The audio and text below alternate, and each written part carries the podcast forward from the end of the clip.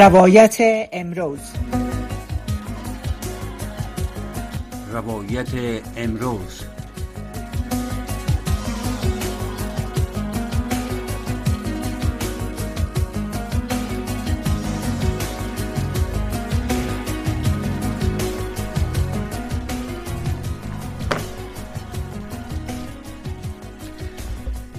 شنوندگان عزیز رادیو آشنا صدای امریکا سلام و وقتتان بخیر. امیدوارم در هر کجایی که هستین صحت و سلامت باشین و از گزند روزگار در امان باشین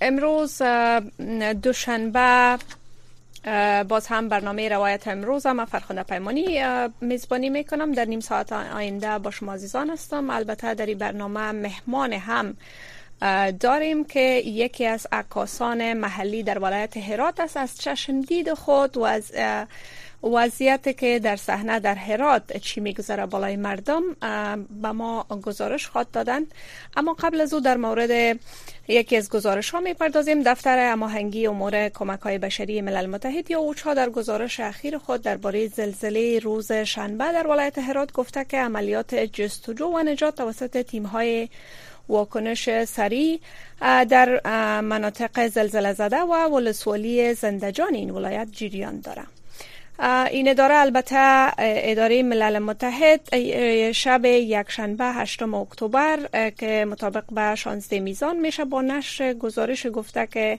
100 درصد خانه های مناطق زلزله زده ولسوالی زندجان ویران شده که 1663 خانواده که تعداد اعضای آنها به 11585 نفر می‌رسه متضرر شدند یا آسیب دیدند. همچنان دفتر ماهنگی امور کمک های بشری ملل متحد تعداد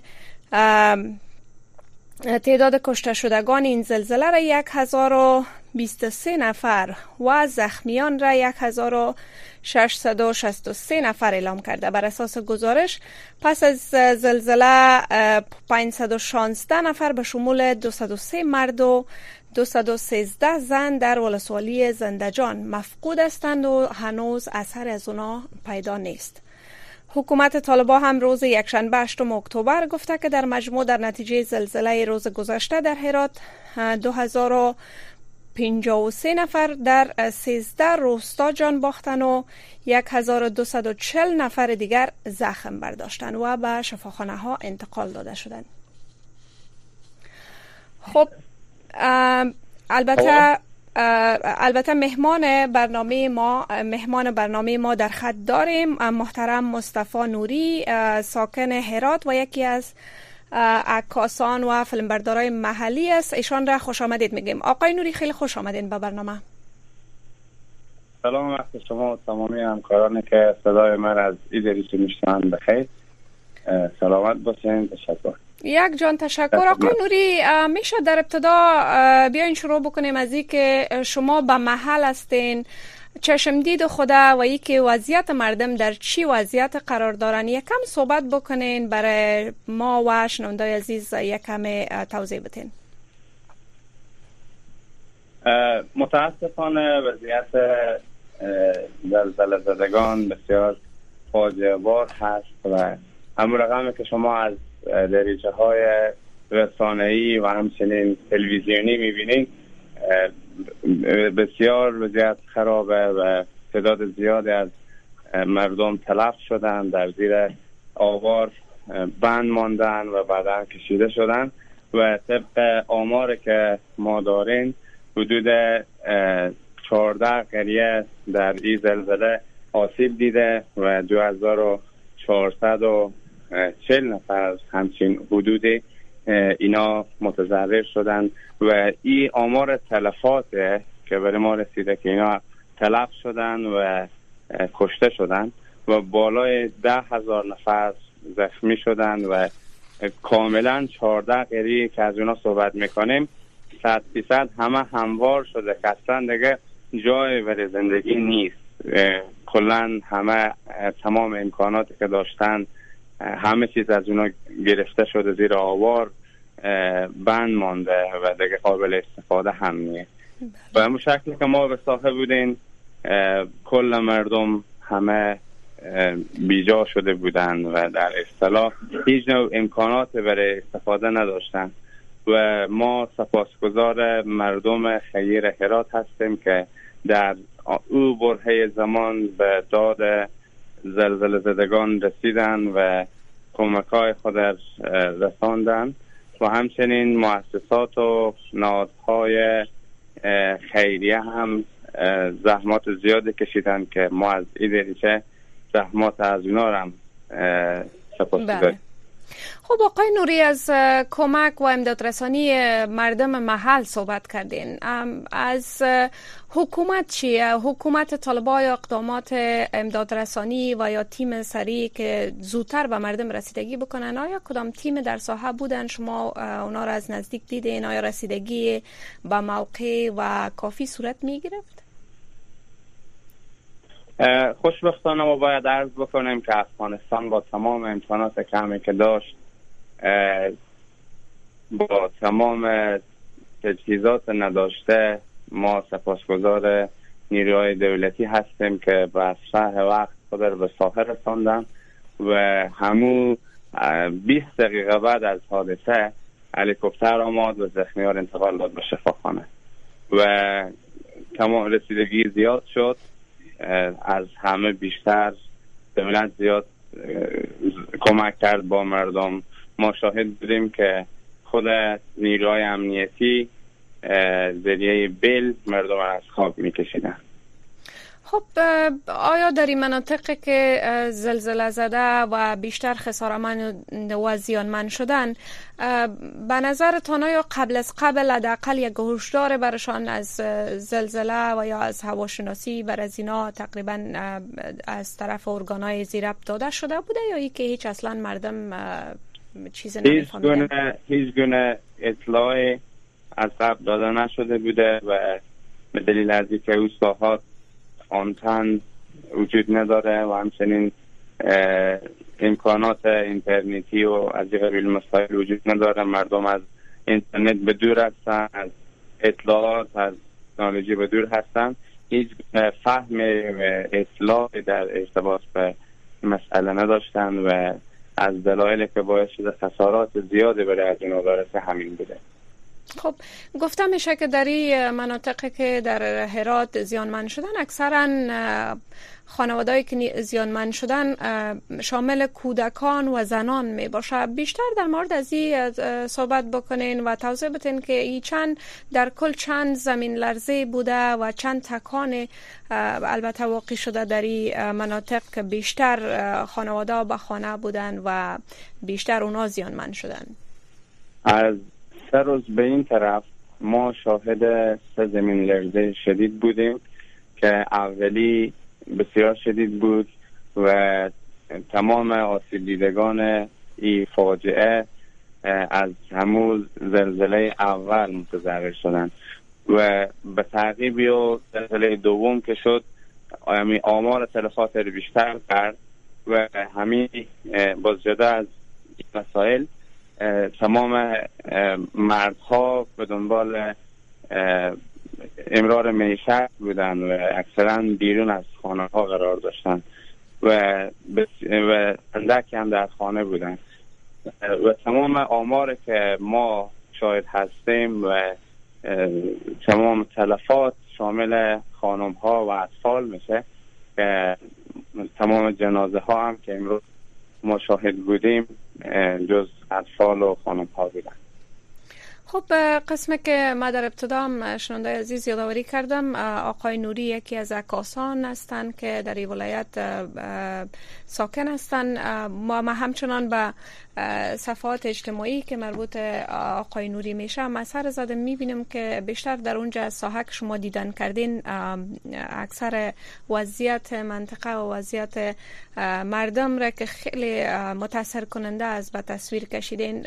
یکم صحبت بکنین که در داخلی وقتی که شما رفتین از نزدیک می‌دیدن مردم در چی چی حس داشتن؟ در کالا امیدوار کمک های بیشتر از سوی چی نهادهای داخلی و نهادهای بیرونی در در زمانی که بسیار نیاز شدید دارن آیا با شما صحبت با, با فامیلا داشتین چی گفتنی دارن؟ بله ما با تمام فامیل ها با تمام خانواده ها صحبت داشتیم حتی از اونا کلیپ هم ثبت کردیم گزارش گرفتیم مصاحبه گرفتیم. همه درد از اونا جدا از اینکه داغدارن خانواده خود از دست دادن عزیزای خود از دست دادن. درد از اونا فعلا نداشته های سرپنای یک چتری که بر فراز سر از اونا ایجاد بشه. تا باعث بشه که از سردی زمستان در امان بمانند حتی ما دیشب به صاحب بودیم. تعداد می‌گفتن که اگر برای ما رسیدگی نشه ما از زمین لرزه جان سالم به در بردیم. ولی از سرمای زمستان جان سالم به در نخواهیم برد. بله چون هوا هم رو با سردی است. بله. بله به این اساس کلا ما باید با سراحت عرض بکنیم که مردمان بسیار قوی و مردمان بسیار شجاعی داریم که در کنار ای مردم دیگر ما که همه یکی هستیم استاد شدن و رسیدگی کردن.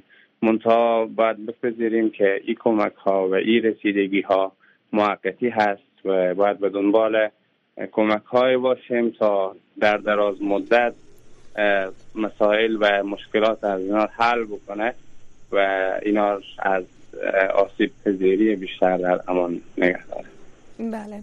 خب آقای نوری آیا شما در صحبت هایی که گفتین با خانواده داشتین با کدام نهاد دولتی هم که در صدا صدای شما رو ندارم. میشنوین صدای مرا؟ ندارم متاسفانه صدای شما. بله صدای مرا دارین آقای نوری؟ بسیار ضعیف میاد صدای شما. صدای مرا فعلا دارین آقای نوری؟ ما می‌خواستم پرسان کنم که آیا شما در صحبت هایی که با مقام با خانواده داشتین آیا چانس از را پیدا کردین که با نهادهای دولتی هم که در ساحه حضور داشتن صحبت بکنین؟ چی گفتنی داشتن اونا؟ اگر دوباره سوال مطرح بکنیم متوجه نشدم. خب شما گفتین که با خانوادهایی که زیانمند شدن و یا خسارمند شدن صحبت های داشتین و از وضعیتشان صحبت کردین. آیا در در این ساحه نهاد دولتی هم از حکومت طالبا حضور داشتن؟ چی گفتنی داشتن؟ آیا چانس داشتین کمرایشان صحبت بکنین؟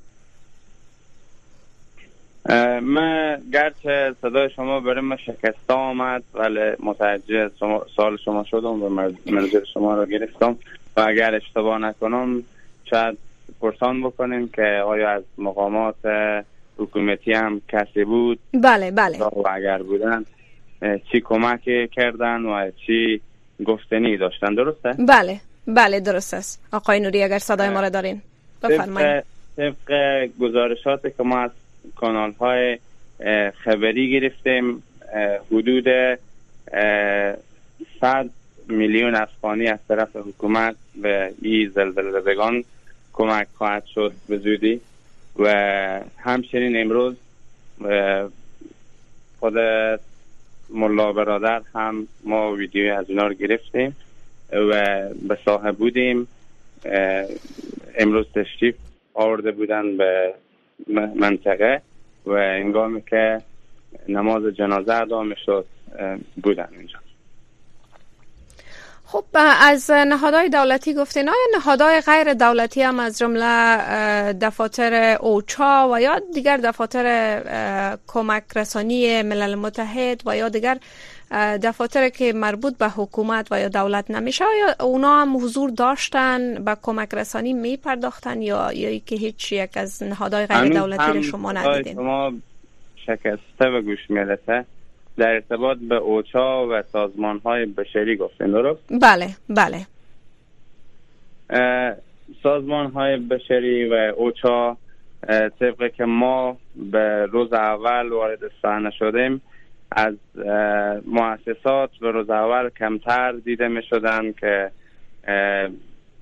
تنها اندک مؤسسات مثل UNHCR که پارتنر از دفتر انصاری یا آرا بود در ساحه حضور داشتن و ما شب هم شاید بودیم که به شب صدا من داریم؟ بله صدایتان داریم آقای نوری به شب به شب اول ما شاهد بودیم که خیمه های یونیسیار در ساحات نصب شد و به تعقیبی از او از دفتر وارچایل غذا و نان آورده بودن شاید این مسائل بودیم. خب. و همچنین دفتر یونیسیار به نمایندگی با پارتنری آرا کمپل هم می‌دادند. صرفا ما سه دفتر از شب اول شاهد بودیم و دفاتر دیگر بشری چون World Vision IOM دبلیو او در روز دوم بله. بودیم که خب از این روستاهایی که در ولایت هرات در اثر زلزله البته خساره‌مند شدن تقریبا بیشتر از شما گفتین که 14 روستا و یا قریجات خسارمند شدن. آیا روستاهایی را که شما از او دیدن کردین به یک اندازه خسارمند شدن یا ای که شدت زلزله در بعضی از روستاها بیشتر و در بعضی از روستاها کمتر ببخشید صدای شما هنوز هم شکسته میایه و اصلا نمیشنم. بله فکر کنم که مشکل تکنیکی است که صدای ما را آقای نوری درست شنیدن. نمی‌تونم بله بازم بله. سوال باز یک بار دیگه تکرار می‌کنم. آقای نوری آیا روستاها به یک اندازه خسارمند شدن یا ای که شدت زیانمن و یا خسارمند شدن بعضی از روستاها شدیدتر نسبت به دیگر روستاها ندارم متوجه صدای شما نمیشم خب فکر کنم که آقای نوری را ما درست صدای ما را نمیشنون. ولی بازم یک جان تشکر از که در برنامه سم گرفتن و آخرین جزیات را با ما و اشنونده عزیز شریک ساختن. یک جان سپاس. گرچه صدای ما را نمیشنون ولی ما صدای اونا را داریم. بازم یک جان سپاس می‌کنیم. شنونده عزیز باز هم شما را دعوت می‌کنیم تا آخرین یا تازه ترین اخبار را از روی امواج رادیو آشنا صدای امریکا بشنوین و دوباره باز هم برمیگردیم. با عرض سلام احد عزیزاده هستم از رادیو آشنا صدای امریکا. با تقدیم آخرین اخبار افغانستان منطقه و جهان. زلزله به شدت 4.9 به مقیاس رکتر امروز دوشنبه غرب افغانستان را بار دیگر تکان داد. بر اساس گزارش خبرگزاری جرمنی زمین لرزه های جدید توسط سازمان زمین شناسی ایالات متحده و ساکنان منطقه تایید شده است. یک دکتر افغان در منطقه زلزله زده در هیرات امروز دوشنبه به شبکه خبری آلمان گفت این ها بسیار شدید بود. مردم در پارک ها فضای باز و باغ ها پناه گرفتند. بر اساس گفته های کارمندان صحی زلزله مرگبار روز شنبه بر سلامت روان مردم تأثیر منفی گذاشته است. و ای افزود که بیشتر بیماران مبتلا به شوک روحی اند. در بسیاری از ولایات مردم برای قربانیان کمک های مالی جمعآوری می کنند گزارش های ضد و نقیز در مورد تعداد دقیق تلفات وجود دارد. حکومت طالبان تا کنون از کشته شدن نزدیک به دو نیم هزار نفر و جراحت 2400 تن دیگر خبر داده است. عملیات نجات برای افراد گیرمانده در زیر آوار در مناطق زلزله زده هرات برای سومین روز ادامه دارد. خبرگزاری اسوشیتد پرز امروز دوشنبه نهم اکتبر گفت که مردم عام با بیل و وسایل دیگر برای نجات جان افراد از زیر آوار سرگرم کارند. دفتر همان کننده امور بشر دوستانه سازمان ملل متحد اوچا گفته است که زلزله روز شنبه تمامی خانه های 11 روستا در غرب هرات را ویران کرده است. مقامات طالبان روز یک شنبه گفته بودند که تعداد کشته شدگان به دونیم هزار نفر رسیده اما ارقام دقیق هنوز اعلام نشده است. از سوی دیگر هیئتی به سرپرستی ملا عبدالغنی برادر معاون امور اقتصادی ریاست الوزرای حکومت سرپرست طالبان امروز دوشنبه به هرات رفت تا مناطق آسیب دیده را از نزدیک ببیند. انتونی بلینکن وزیر امور خارجه ایالات متحده می‌گوید که این کشور تأثیرات زلزله در غرب افغانستان را به دقت پیگیری می کند. بلینکن در شبکه اکس دیشب نوشته که شرکای بشری ایالات متحده کمک های فوری را برای حمایت از مردم افغانستان فراهم می کنند. در همین حال نمایندگی دائمی جمهوری مخلوع افغانستان در ملل متحد در بیانیه گفته است که نهادهای بین المللی در حال بررسی زیانهای زلزله در ولایت هراتند نمایندگی دائمی جمهوری مخلوع افغانستان در ادامه از کشورها، نهادها و سازمانهای کمک کننده خواسته است که حمایت فوری و عاجل خود را از مردم هرات که نیاز شدید به کمک دارند بیشتر سازند. سازمان صحی جهان و اتحادیه اروپا کمک های فوری به زلزله زدگان هرات فرستاده اند.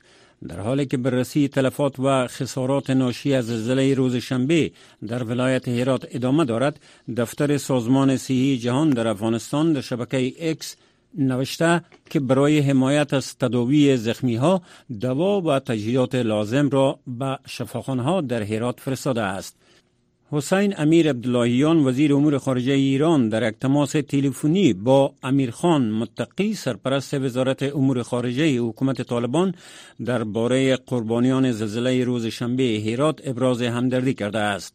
حافظ زیا احمد معاون سخنگوی وزارت خارجه حکومت طالبان روز دوشنبه در یک نوار ثبتی در این مورد به ها گفت در این مکالمه تلفنی آقای امیر عبداللهیان با قربانیان زلزله روز شنبه غمشریکی نشان داده و همچنان برای کمک بشری به زلزله زدگان تعهد کرد و از هر گونه همکاری ابراز آمادگی نموده است.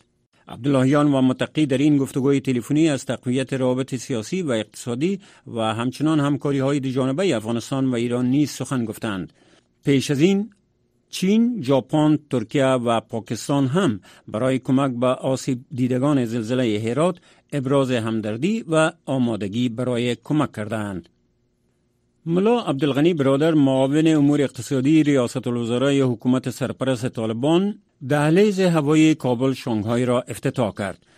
دفتر معاونیت اقتصادی ریاست الوزرای حکومت طالبان در شبکه اجتماعی X روز یک شنبه ناوقت نوشته است که ملا برادر در سخنرانیش در مراسم افتتاح این دهلیز از کشورهایی که به انکشاف روابط دوستانه اقتصادی و تجارتی با افغانستان متعهدند و با تاجران افغان رفتار نیک دارند ابراز امتنان نموده است. او در این مراسم از تاجران افغان خواست که بیایند و در کشور خودشان سرمایه گذاری کنند.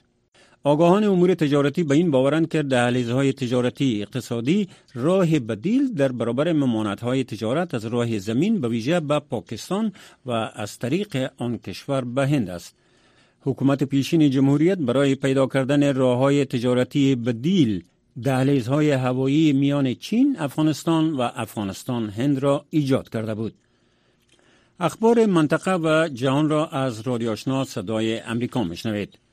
پس از اعلام جنگ و تعهد برای نابودی توانایی های نظامی و حکومتی حاکمان حماس در غزه اسرائیل امروز دوشنبه بمباران آنجا را شدت بخشیده است.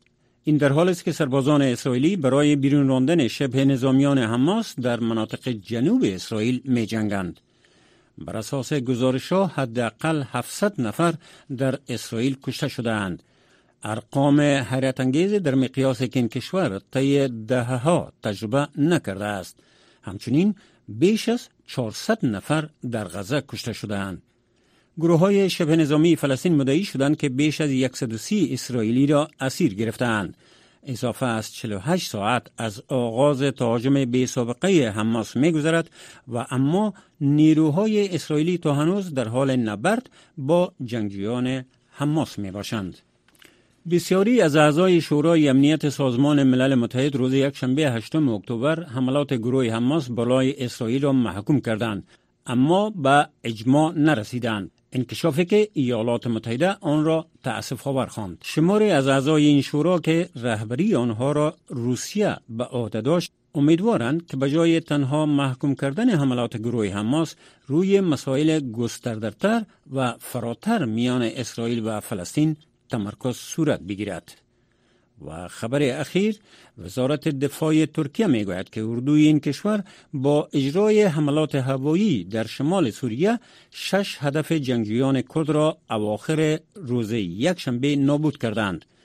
این وزارت گفت که تأسیسات تیل که توسط جنگجویان استفاده می شد پناهگاه ها و ذخایر که گمان می رفت جنگجویان آنجا بودند شامل این اهداف بودند.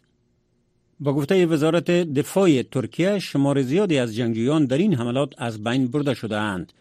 گفته نشده است که حملات هوایی در کدام مناطق شمال سوریه انجام شده است. پایان اخبار افغانستان، منطقه و جهان از رادیو آشنا صدای امریکا تا این ساعت. روکو راست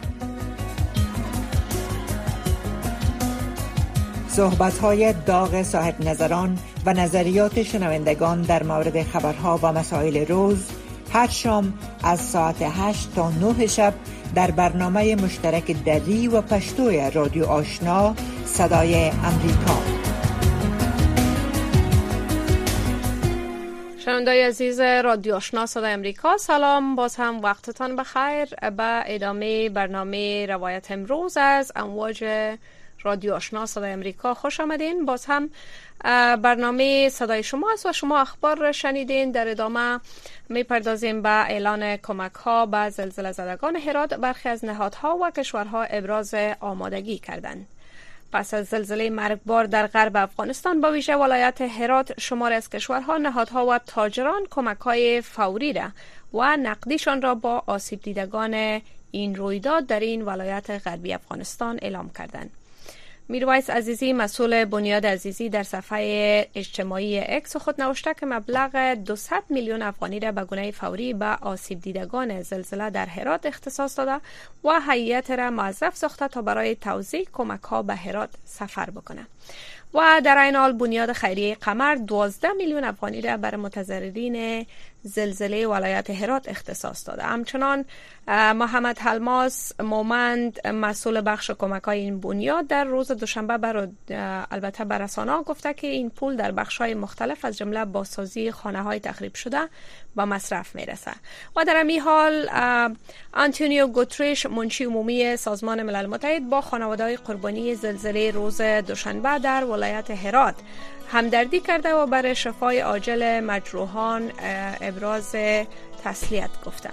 گوترش همچنان در یک اعلامی که روز یکشنبه 8 اکتبر نشر کرده گفته که اداره های سازمان ملل متحد در افغانستان در هماهنگی با مقامات فیلی حکومت طالبان در حال ارزیابی نیازهای زلزله زدگان هستند. و همچنان در اعلامی که روز قبل نشر کردن گفته شده که منشی عمومی سازمان ملل متحد از جامعه جهانی خواسته که با نزدیک شدن فصل زمستان برای کمک با زلزله زده های غرب افغانستان و همچنان برای مردم دیگی که در این فاجعه خسارمند و یا زیانمند شدند کمک بپردازند.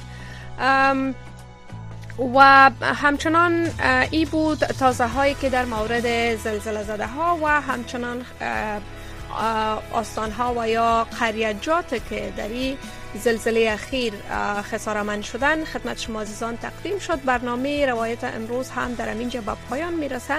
ولی برنامه بعدی ما برنامه برنامه صدای شما است سوغک هست که این برنامه را هم اختصاص دادیم به صدای شنوندای عزیز و روایتشان در مورد زلزله.